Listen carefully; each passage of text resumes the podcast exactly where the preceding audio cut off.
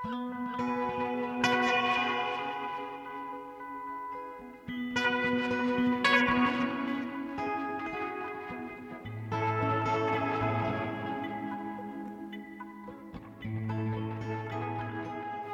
sælublessuð, hljómsveitin Move, Legatréð, endur útgefnir tónlistamenn og sumar síningar á listasafni Árnesinga í Viðsjá dagsins. Við hugum að ungmennabókmyndum í Viðsjá í dag. Legatréð eða The Lie Tree er ungmennafantasía eftir breskari tundin Frances Harding sem hefur átt mikill í velgengni að fagna frá því að bókin kom fyrst út árið 2015 og hlotið hinn ímsu bókmentavelun fyrir. Lega treð kom nýverið út hjá Partus forlægi í þýðingu dýrleifar Bjarnadóttur og við ringjum vestur um haf til bandaríkjana þar sem dýrleif er búsett og kynnum okkur bókina betur. Við tökum Óskar Guðjónsson, saxofónleikar að tali um jazz hljómsveitina Move sem hann skipar á samt Mattiasi Hemstokk, Eithóri Gunnarsinni og Valdimar Kolbeini Sigurjónsinni en sveitin heldur tónleika í Kaldalóni hörpu á miðugdaskvöld. Við heyrum af glímu við jazzin og feginleik yfir því að takmarkana laust tónleikahald sé að hefjast á ný þegar við ræðum við Óskar. Í þætti dagsins verður einnig hugað að regugum kössum, nánar tiltækið gömlum tekistum fullum af segulböndum sem fengust í dánarbúi breska upptökustjórans Joe Meek og voru varvittar í 50 ár en eru nú á leið í útgáðu hjá plötu fyrirtækinu Cherry Red Records. Og Ólaf Gerður Sigfúrsdóttir kíkir við í hveragerði á þrjár síningar í listasafni Árnæsinga. Það er síningin Róska, Yðustreimi og Yfirtaka. En við byrjum á að hlusta á splungu nýja íslenska tónlist. Guðni Tómasson hefur verið með jazz á fóninu.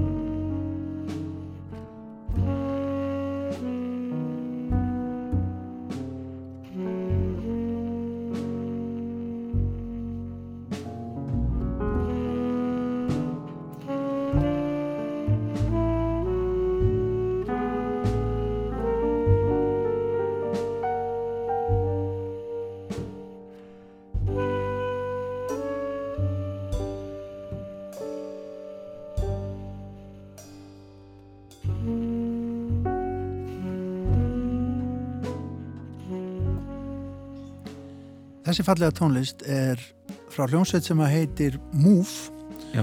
og er jazz uh, hljómsveit sem að hérna, er já, að komast á skrið skulum við segja, hingað er komin fósbrakki sveitarinnar Óskar Guðjónsson þarna ertu með góða menn með þér, Mattias Hemstokk og Trommur Já.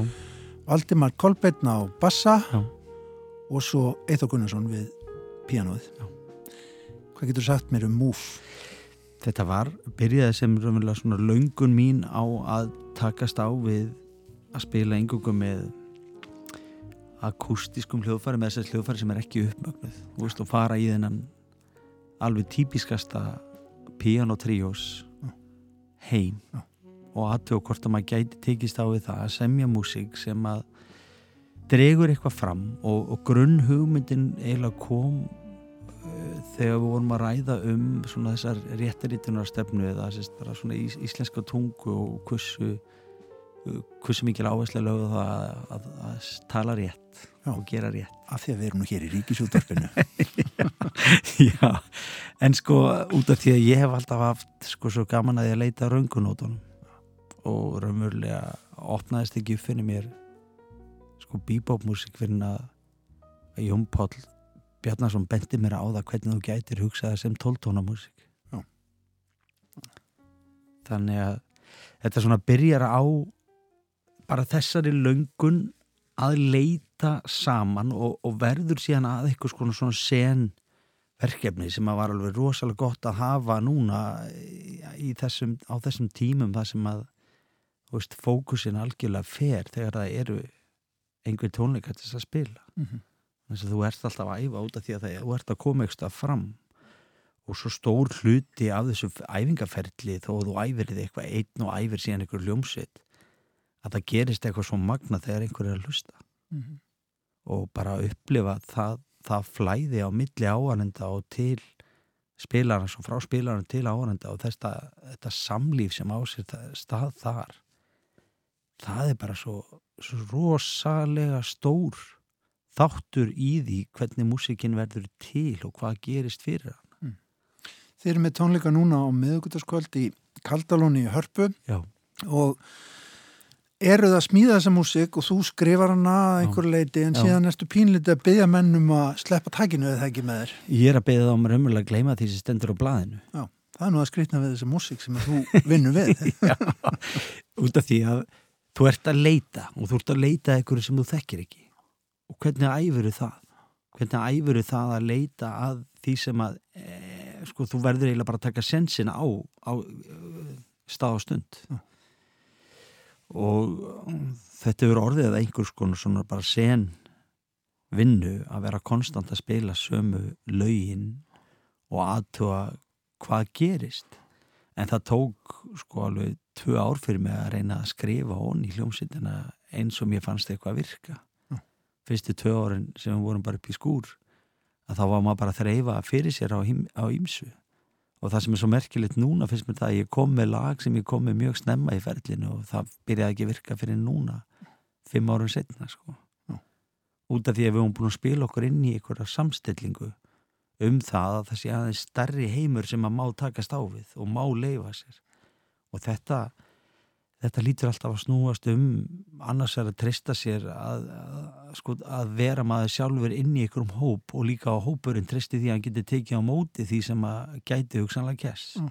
út að reyna að opna bara á alla, allar myndir sem getur hugsanlega myndast Nú ert þú inn í alls konar verkefnum, ég meina alls konar hljómsveitum og, og hoppar inn í hitt og þetta, mm -hmm. stundum með fórstu og stundum á leiðinni, á, á Mhm. kantinum.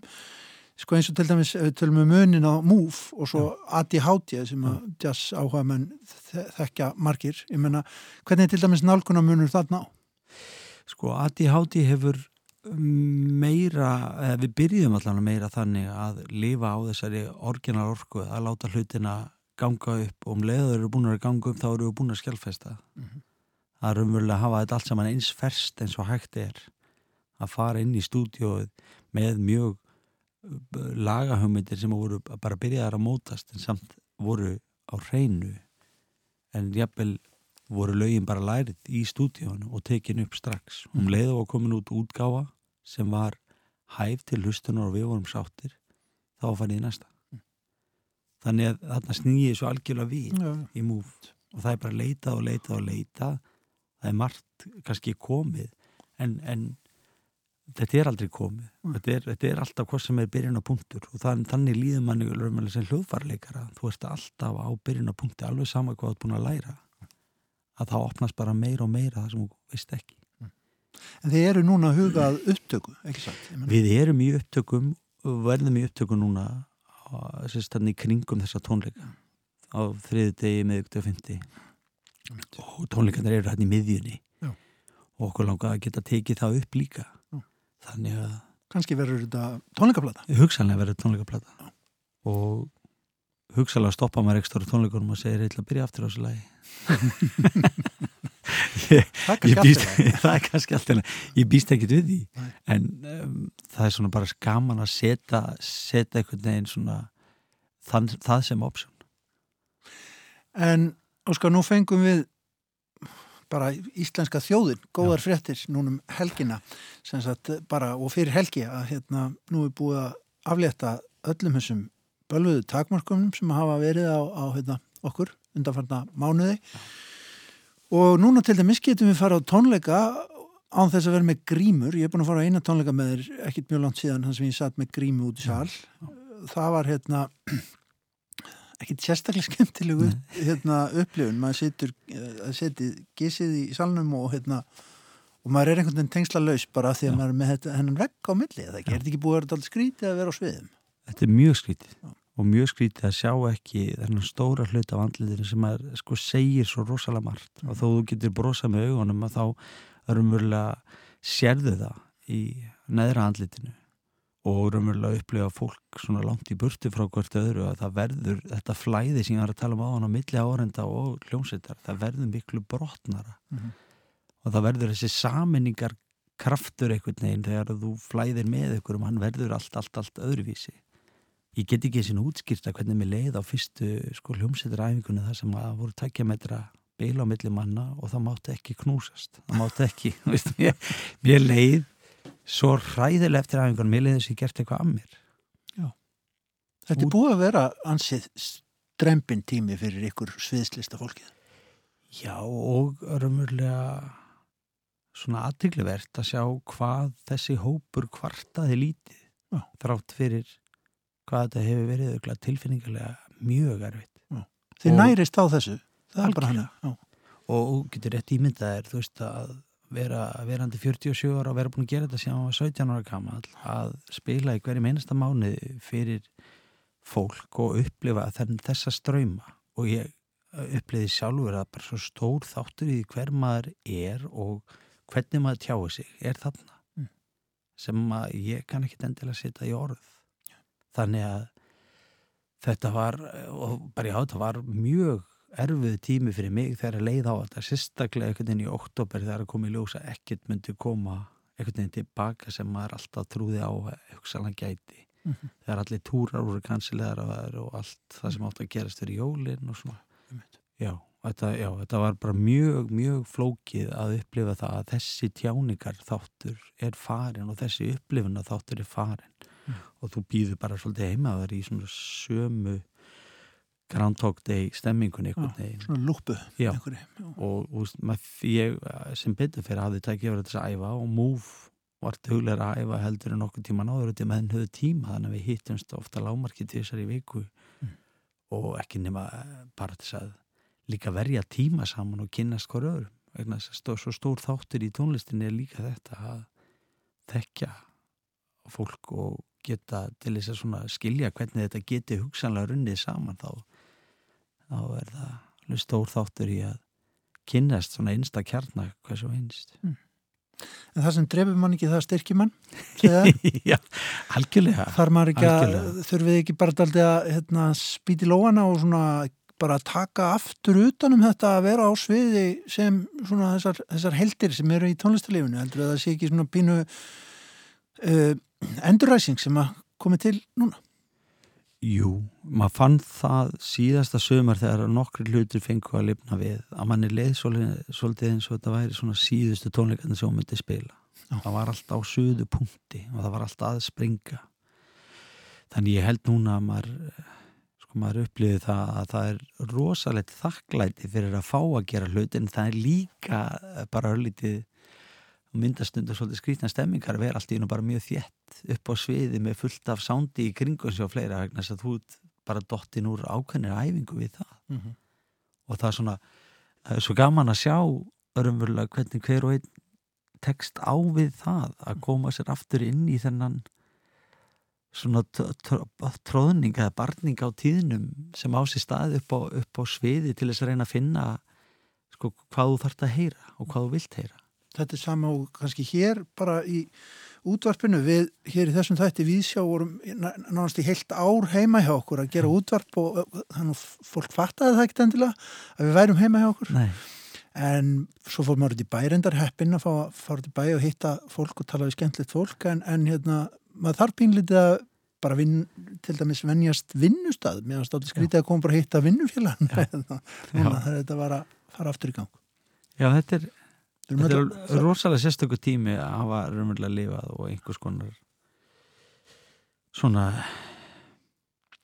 enduræsing mun örglega eiga sér stað en það er svolítið gaman líka að sjá hvernig það mun eiga sér stað Mhm. vegna þess að bara þetta geta setið þétt saman við hliðin á ókunnugum manni ekki með grímu og finna það að þið eru eh, sko jafnvel bæði eða báðir að upplifa eitthvað. Mm, mm. og þau upplifið jafnvel upplifum hvers annars á þess að, að við séum til að taka á mikið eftir ég, ég er ekki sko að maður ráði endilega við að, að sjá þetta eða finna þetta allt saman sko. lærum aðeins upp á nýtt. Ég held það, ég bara vona það svo innilega og þetta er það er rosalega gaman að fá að byrja aftur. Það er kannski það sem að hefur verið alveg einstaklega gott að díla við þetta eða takast á við þetta er að fá að kynast þessu upp á nýtt hvað þetta skiptir mann miklu máli Við segjum bara takk kærlega fyrir komuna í Víðsjá og hérna við bendum á þessa tónleika í Kaldalóni í Hörpu á miðugutaskvöldið kl. 8 Múf á ferðinni þar. Já. Múf á ferðinni, þetta hljóma mjög vel. En bestu þakkir fyrir spjallið Óskar Guðjónsson. Byggðum með helsa Múf og gangu vel með upptökur og annað. Takk hérlega fyrir mig Gunni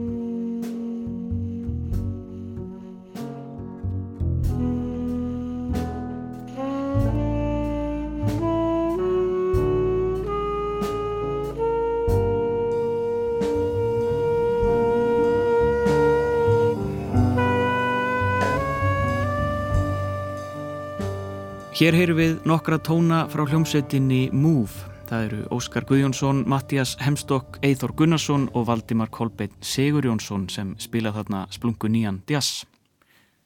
En næst á mælendaskrá er Ólöf Gerður Sigfúsdóttir. Hún rúlaði í hveragerði. Frá árinu 2001 hefur verið starfaragt listasafn í hveragerði, listasafn Árnesinga.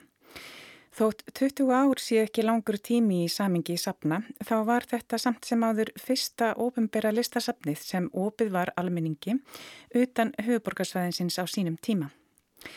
Í dag hefur sapnið fest sig rækilega í sessi sem lítið og áhugavert listasafn á landsbyðinni, en sapninu hefur tekist að halda út í öflugri síningadaskrá sem bæði ræktar tengslinn við nærumkverfið um leið og það færir okkur alþjóðlega ströyma úr myndlistinni. Sapnið hlaut sapnaverlunin árið 2018 verið skuldaða viðurkenningu sem er veitt annað hvert ár sapni sem þykir skara fram úr og vera til eftirbreytni. Um þessar myndir standa yfir í sapninu þrjár aðtiklisverðar sumarsýningar sem skoða má sem eina samangandi heild þótt hverum sig sé skipulögð sem sjálfstæð eining. Fyrirverðamest er síningin á verkum Rósku sem ber yfirskriftina áhrif og andagift í síningarstjórn Ástríðar Magnúsdóttur. Sýningin ber yfirbræð þess að vera lítil yfirlitsýning þótt hún gefið sér raun ekki út fyrir að vera slík en það úrvalverka sem hér má sjá gefur ágætis insýn í fjölbreyttan og afkastamikinn feril rósku. Sýningin státar af verkum sem unnin er í ólíka miðla, svo sem teikningar, klippiverk, málverk, baróttu plakkut, gjörninga og skissubækur sem ímist hafa verið fengin að láni úr enga eigu eða sapkosti annara ofinbera sapna. Róska eða Ragnhildur Óskarsdóttir eins og hún hétt var einn af helstu listamönnum þjóðurinnar á setni hluta síðustu aldar en hún lést aðeins 56 ára gömul árið 1996. Verkin á síningunni bera hér vottum persónulega en í senn pólitíska nálgun Rósku. Hún var augrandi, framúrstefnuleg og djörf fyrir sinn samtíma og notaði listina markvist til þess að hafa áhrif á samfélagið hvort sem það var hér á landi eða þar sem hún var búsett hverju sinni í Róm, Reykjavík, Prag eða París. Það er vel til fyndið hjá safninu að setja verk Rósku og Daskar á akkuratu núna Ekki engungum vegna þess að heil 20 ár eru liðin síðan síðast var sett upp yfirlitsýninga á verkum hennar þá í nýlistasafninu, heldur einnig og öllu fremur vegna þess tíðaranda sem verkanar tala inn í um þessar myndir. Sýningin nú í listasafni Árnesinga er þannig gott tækifæri til að kynnast þessum áhugaverða en dálitið glemta listamanni, nú eða endur nýja kynnin við hana. Sýningin kallar á meira af rósku og gerir það verkum að maður vil fá að skegnast betur inn í feril þessarar merku listakonu og aktivista í samengi við ströyma í feminískri myndlist dagsins í dag. Þessir feminísku ströymar fylgja manni svo áfram eftir því sem maður fikra sig lengra inn eftir safninu þar sem einnig er fjallaðum hugarheima og aðstæður kvenna út frá persónulegri reynslu en með sterkum skýrskotunum í heið ytra skilirðandi samfélag. Þannig er búið að umbreyta næsta síningarsal í stóra umleikjandi innsetningu sem líta má á sem eins konar millirými eða jafnvel andrými milli hinna tvekja síningana. Við setjumst inn í mjúkan klefa sem fóðraður hefur verið með blóðröðu efni í hólf og gólf, eins konar innra líffæri þar sem hægt er að taka inn myndbandsverk listakonunar önnu kolfinu Kúran sem hún kallar yfirtöku Hér streymir kvennorkan fram með hugmyndafræði yfirtökunar sem þá er friðsæl og látlaus í þessu tilfelli þar sem ólíkir kvenlíkamar mynda samstöðu með söng og kóreografíu í samtali við rýmið sem verkið er staðsett í. Anna Kolfina hefur hér fengið til liðsvissi konur úr nærsamfélaginu, alls konar konur á ólíkum aldri, af ólíkum uppbruna, Rauðklættar konur með fjölbreytta líkama sem kyrja saman og flæða um rýmið samstiltar og áreinslu lausar. Úr þessu millirými göngu við svo áfram yfir í þriðja og síðasta rýmið í þessum feminíska boga sem myndar rammanutunum síningarnar þrjár í safninu. Sýningin hér ber yfirskriftina Eðustreimi og státar af myndbandsverki Gjörningaklúpsins, ljósmyndaverkum Katrínar Elvarsdóttur, saumuðum teikningum Kristínar Gunnlaugsdóttur, kleipiverkum Söru Björnsdóttur og ljóðum Elisabethar Jökulsdóttur. Salurinn sjálfur ber með sér yfirbræð einhvers konar kapilli, ekki engöngu vegna lögunar hans sem markast af arkitektur Sapsins, heldur einnig vegna hens tregafulla óms sem streymir úr verki gjörningaklúpsins Aquamaria sem á upphengisins í salnum þar sem verk Kristínar raðast eins og helgimyndir á kaplveikin. Þá bjóða klippiverk Söru, ljósmyndir Katrínar og ljóðlist Elisabethar upp á innri íhugun þar sem spurningum er velt upp hvað það er að vera manneskja, kona, listamæður. Samsapnverkana allra vekur upp tilfinningu fyrir melankólíu, ósýnileika og jável bugun, en um leið einhvers konar heilun og valdablingu.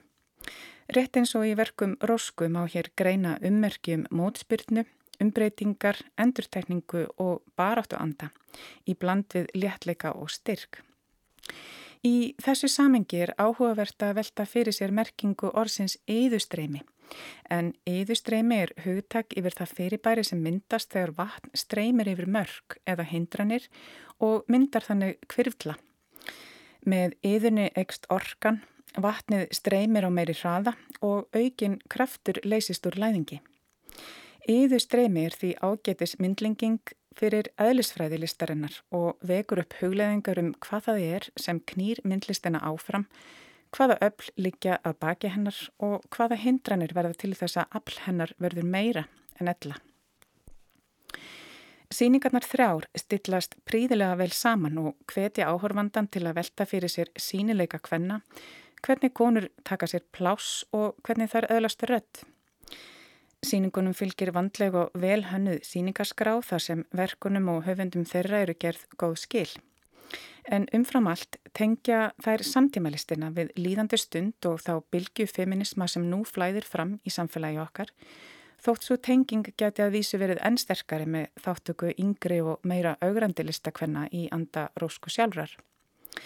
Engaða síður er safnið hér með áhugavert framlag til samfélagsumræðinar og fingrafur nýs sapstjóra smám saman að framkallast sem auglust er að ætlar að halda uppi þeim metnaði og góða orstýr sem listasafn árnisinga hefur ánið sér undanfærin ár sagði Ólaf Gerður Sigfúsdóttir um síningarnar Rósku, Yðurstreymi og Yfirtöku í listasafni Árnesinga en það er standa yfir í allt sumar. En þá ætlum við að huga að breskum ungmennabókmentum.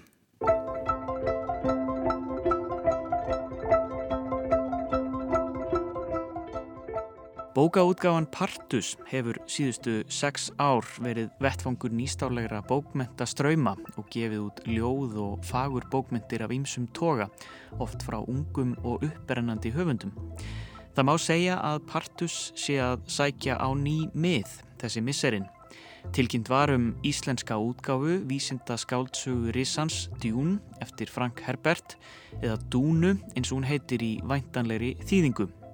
Og nú er ný útkomin ungmenna fantasían Legatrið eða The Lie Tree eftir breska rithufundin Frances Harding í þýðingu dýrileifar Bjarnadóttur.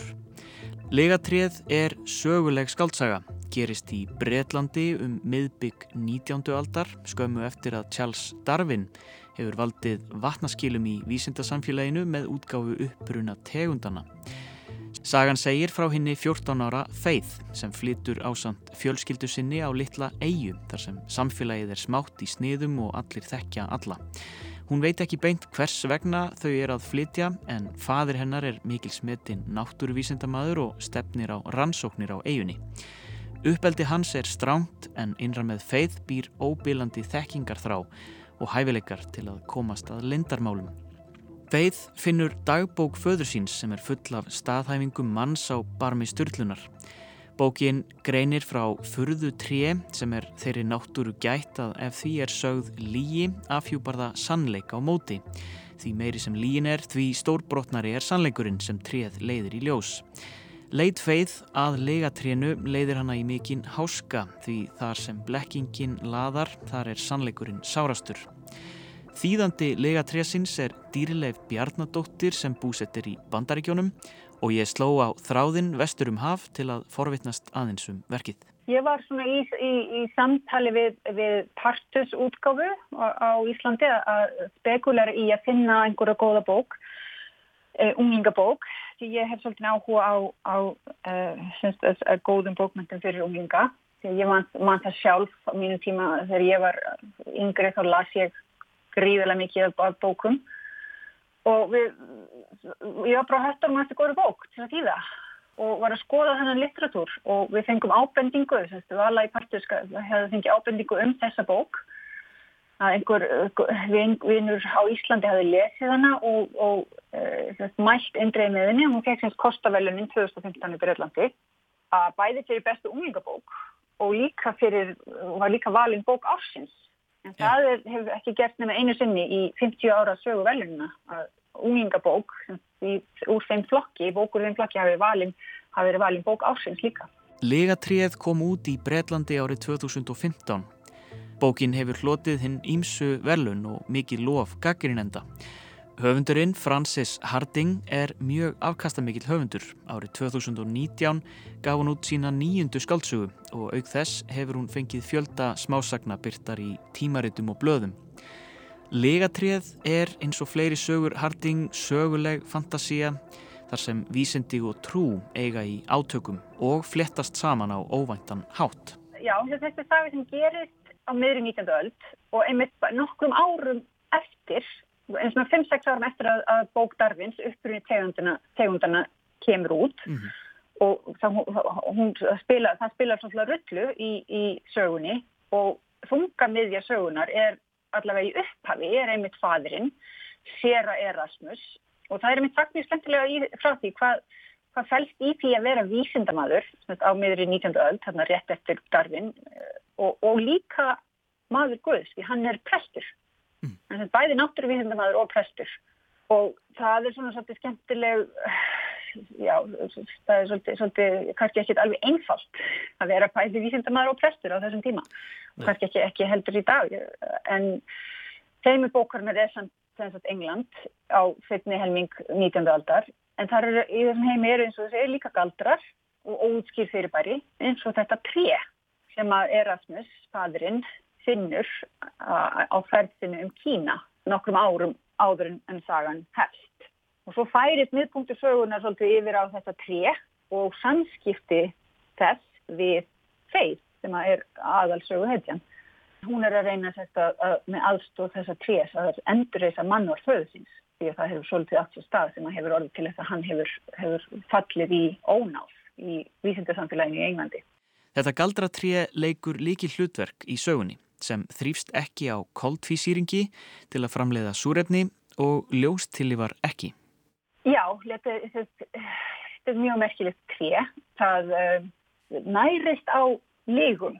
Þessi tré sem, sem nærist ekki á sólskinni eða, eða vatni eða, eða, eða næringum og jörðinni heldur á lígum sem að fólk segir og sem að fólk trúir og það þarf að, að kvísla að því einhverjum lígum, einhverju sögur, einhverju, einhverju, einhverju sem er ósatt og svo þarf að bera það út meðal fólks og eftir því sem að líin er merkilegri og stærri og fleiri sem trúani, þeim er betur vex og, og dapnar kreð. Galdra 3 sækir auðvitað innblástur úr fornum, góðsögum og trúarbröðum. Það má nefna Ask Yggdrasil í norratni góðafræði og svo er það auðvitað vísun í biblíuna. Það er alltaf ímislegt sem að, sem að, ímislegt sem þetta tengis og ekki, ekki þessi síst hérna trénu í aldingarðinum sjálfum í upphafi eh, alls í, mm. í biblíunni. Það sem að, að hérna, eplið var getið og, og, og þar með öðlaðist mann, mannkynnið uh, þekkingu á, á réttu og raungu en uh, og, og svo, það er svolítið umfyllin um það og þeir velti sem sem fyrir sér hvaðan þetta tríu gæti verið, hvaðan er það upprunnið og, og hvað er að baki. Samfélagið í sögunni er ekki stúlkum eins og feið í hag. Þetta er feðraveldi Viktoríu tímans og söguhetjan þarf að hafa sig alla við til þess að feta sig áfram í áttað sannleikanum. Það sem feið er stúlka eru henni ekki margir vegið færir í, í þessari, uh, hún er að reyna að endur þess að mannar föður síns, hún trúur að sakleysi hans og, og hann hefur verið ásakaður um, um hræðilega hluti og, og, og hún reynir að komast að henni sanna um álið en hún getur ekki farið ein út úr húsi og tala við fólk, því að geta stúlkur ekki gert og hún getur ekki talað um fólk við talað tala við fólk um vísindaleg málefni sem er mikið áhuga mál hennar. Hún sjálf vil verða vísindamadur Eh, það, það er ekki við hæði hvenna og, og þegar síðan, þegar síðan fæðurinn er deyr skindilega og hún er að reyna að, að koma grunnsöndum sínum á framfæri, þá er það bara tekið, því tekið sem innan tómi hjali og einhverjum uppspunna úr veikkeðja hvennmanni, þannig að mm. það er líka svona svolítið central punktur í þessu að það, að, það er hlutverk og, og staða hvenna og stjætskipting og það hvernig þetta er að búa í, í svoleiðis heimi og, og, og, og vaksa og verða, já, já þetta því áfram í, í, í svoleiðis heimi. Og hún gerist sagana miklu leiti á eigu, lítilli eigu þar sem er lítið eða svona þjætt samfélag, svona allir þekkja alla og fiskisagan flýgur svolítið. Þetta er svona kannski eitthvað sem að Íslandingar tengja vel við.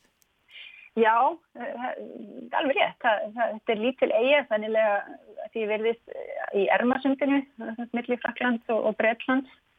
Og þau sem flýja þangað í upphafi bókarinnar fjölskyldan að því að, að það er þetta nexlismál sem hangir yfir höfum þeirra og þau eru að forðast forðast það. Um, það er allir við nefið ofan í, í all, málum, málumnum allra annara og, og svona líka stjættkipting uh, þar sem á sér stað og, og, og sem, sem að þau koma ganga inn í og þurfa að, að finna sér leið í gegnum sem fjölskyldan og svo náttúrulega kemur nextlitmálið til eigarinnar á endanum og þá, þá flækjast málinn því að allir frétta allt.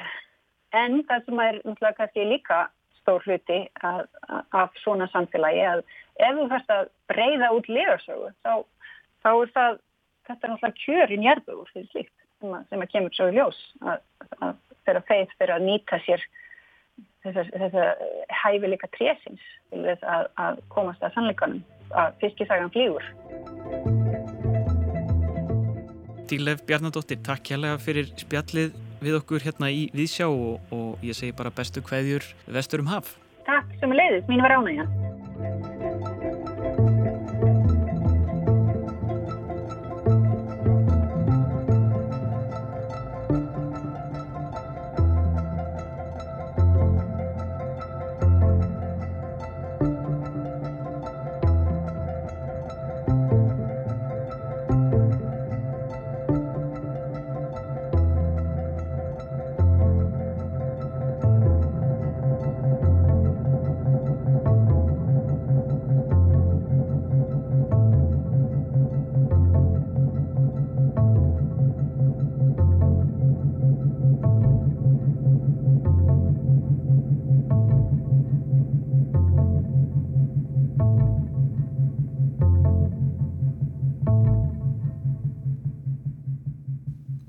Hér heyrum við loka tónana í læginu Holding Horses. Þetta er tónlist eftir franska tónskaldið og listakonuna Cecile Schott eða Colleen eins og hún kalla sig frá árunni 2015.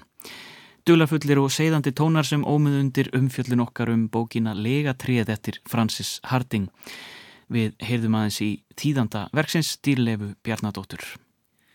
En nú ætlum við að gramsa í gömlum kössum. Tonight when I came home from work. Heard tonight when I came home from work.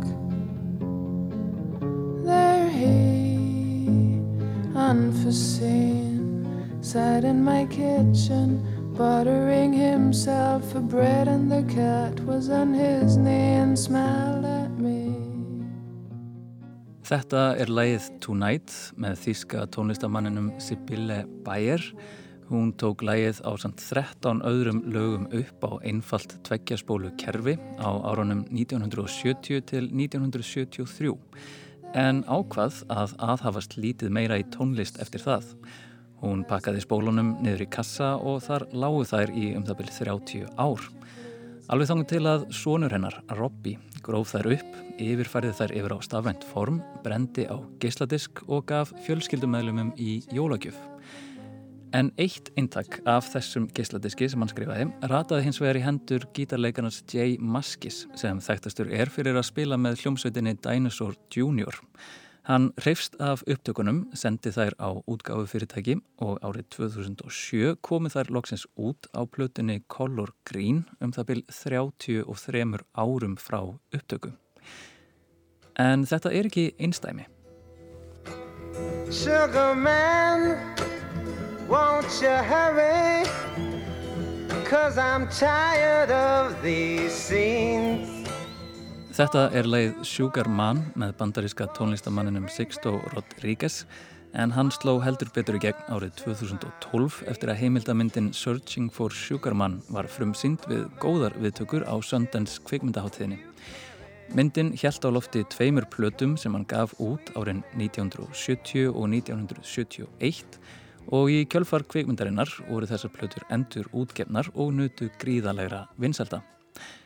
En við höldum áfram. I'll tell you a story about Johnny McClory. That's how my story was begun. I'll tell you another about Johnny's brother.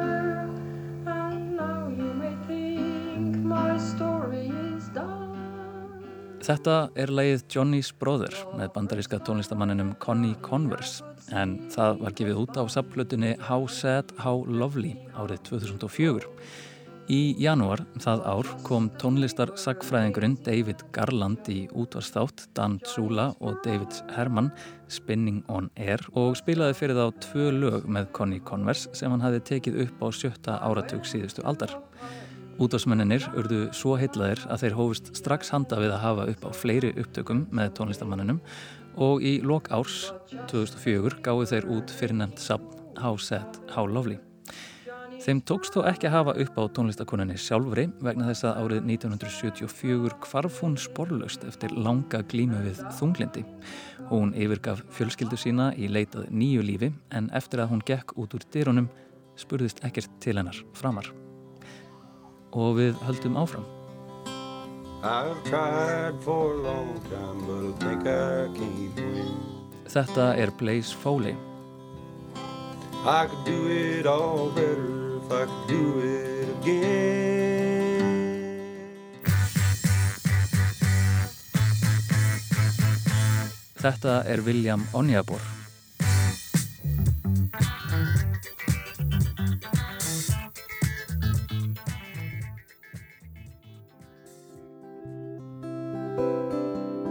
Þetta er Vasti Bunjan.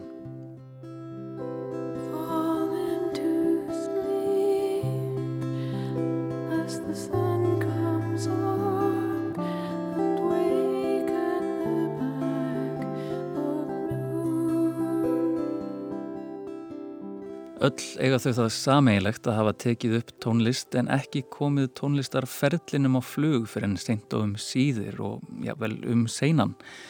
Þau eru þessi frásögn um glimta tónlistamannin sem loksins finnst, um tónlistamannin sem átti skilið hlustun, fræð og jafnvel frama en öðlaðist ekki fyrir henni einhvers konar fordleifa uppgrefti. Upptökur koma í ljós og yfir þeim kvílir einhver dullræn ára. Þessi frásögn hefur kallað fram tvær mikilvægar spurningar sem mig langar að rannsaka í þessum stutta pisli. Fyrri spurningunni kastar bladamæðurinn Jennifer Swan fram í grein sem hún byrti hjá LA Weekly og þar spyr hún sig Af hverju kalla endur uppgötaðir tónlistamenn fram svona mikla hrifningu hjá okkur?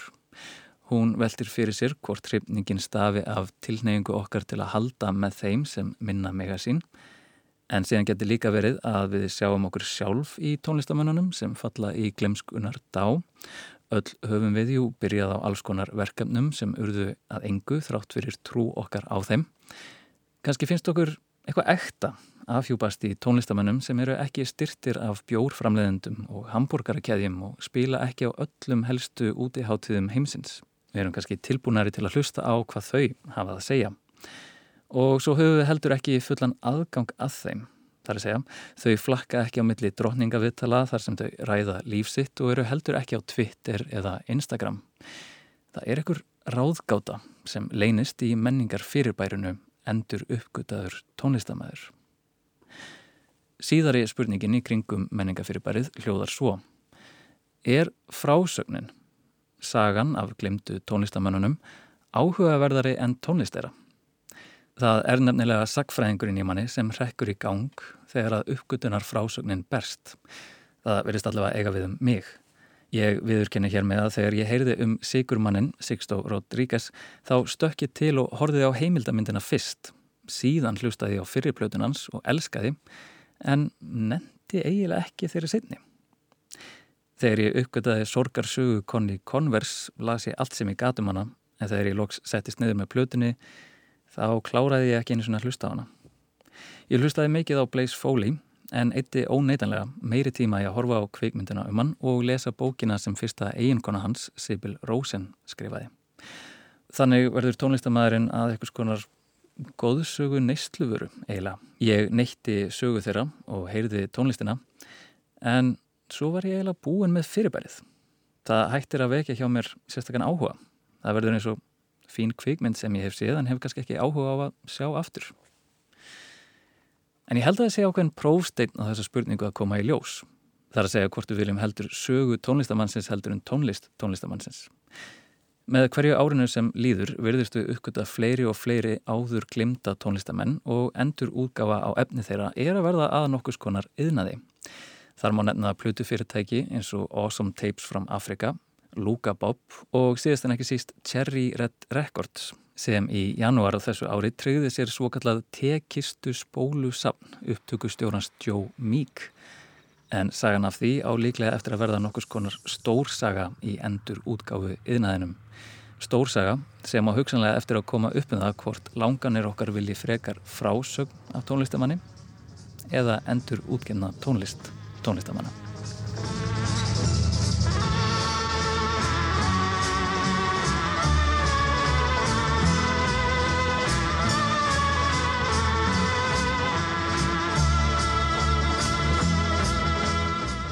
Joe Meek var upptökustjóri, tæknimaður, tónlistamæður og tónskáld.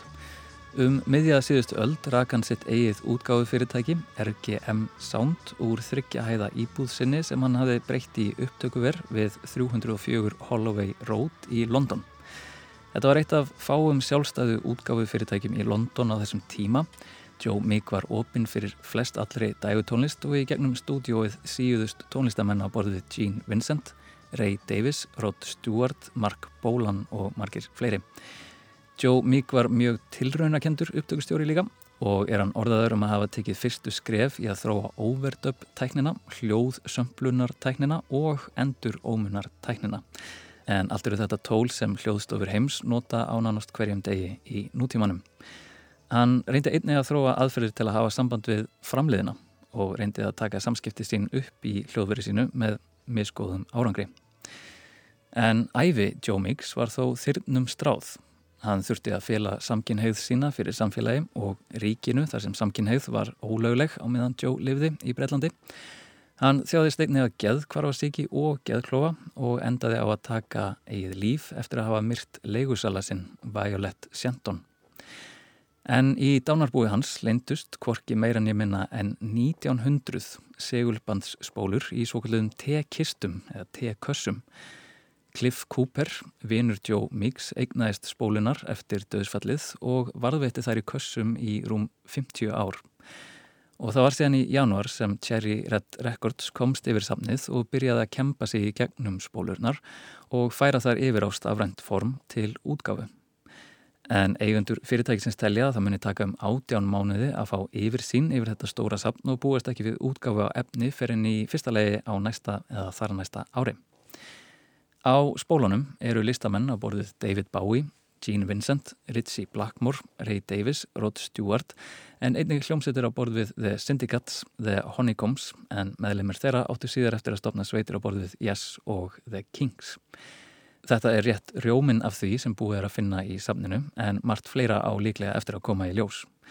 Útgáðafyrirtækið Cherry Red Records er búið að tryggja sér réttin til að gefa allt þetta út og er því líklega komið með heilan katalóg af endur uppgötuðum tónlistamönnum og sagfræðilega mikilvægum upptökum af uppgötuðum tónlistamönnum til að gefa út næstu árin og jafnvel ára tugina. Þetta er eins konar sprengja í endur útgáfu sem ákanski eftir með sínum mikla magni af efni að svara stóru spurningunni. Viljum við frekar góðsögnuna þar að segja frásagnir af glemdum tónlistamönnum sem eins konar neysluföru eða höfum við raunverulega áhuga á að kempa okkur í gegnum ótrúlegt magn af fágætum og hráum upptökum þeirra.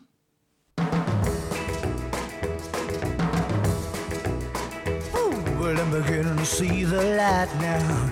I need you day and night now. Whoa, whoa, don't let go. Temptation, baby I see you strutting by.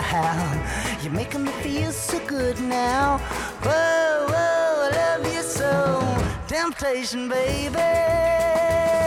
Now don't you think you've got me on string? Whoa, cause I'm nobody's little old plaything.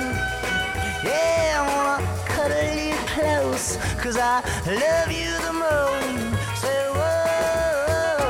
temptation, baby. now. Get on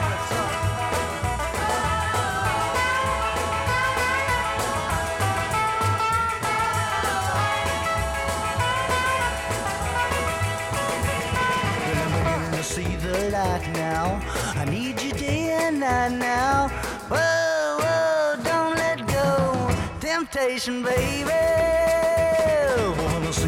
Strutting back. You're making me feel so good now.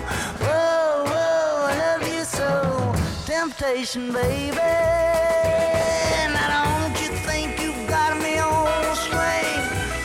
Whoa, cause I'm nobody's little old plaything.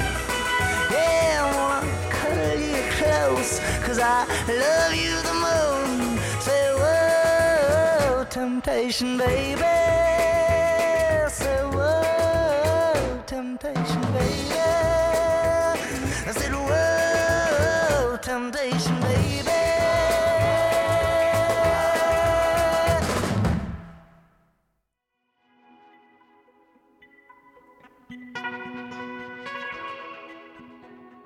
Viljum við frekar sögulega neysluvöru eða tónlistina sjálfa? Á þeim orðum ljúkum við við sjá þennan þriðju daginn. Við þökkum fyrir samfélgina, verið í sæl.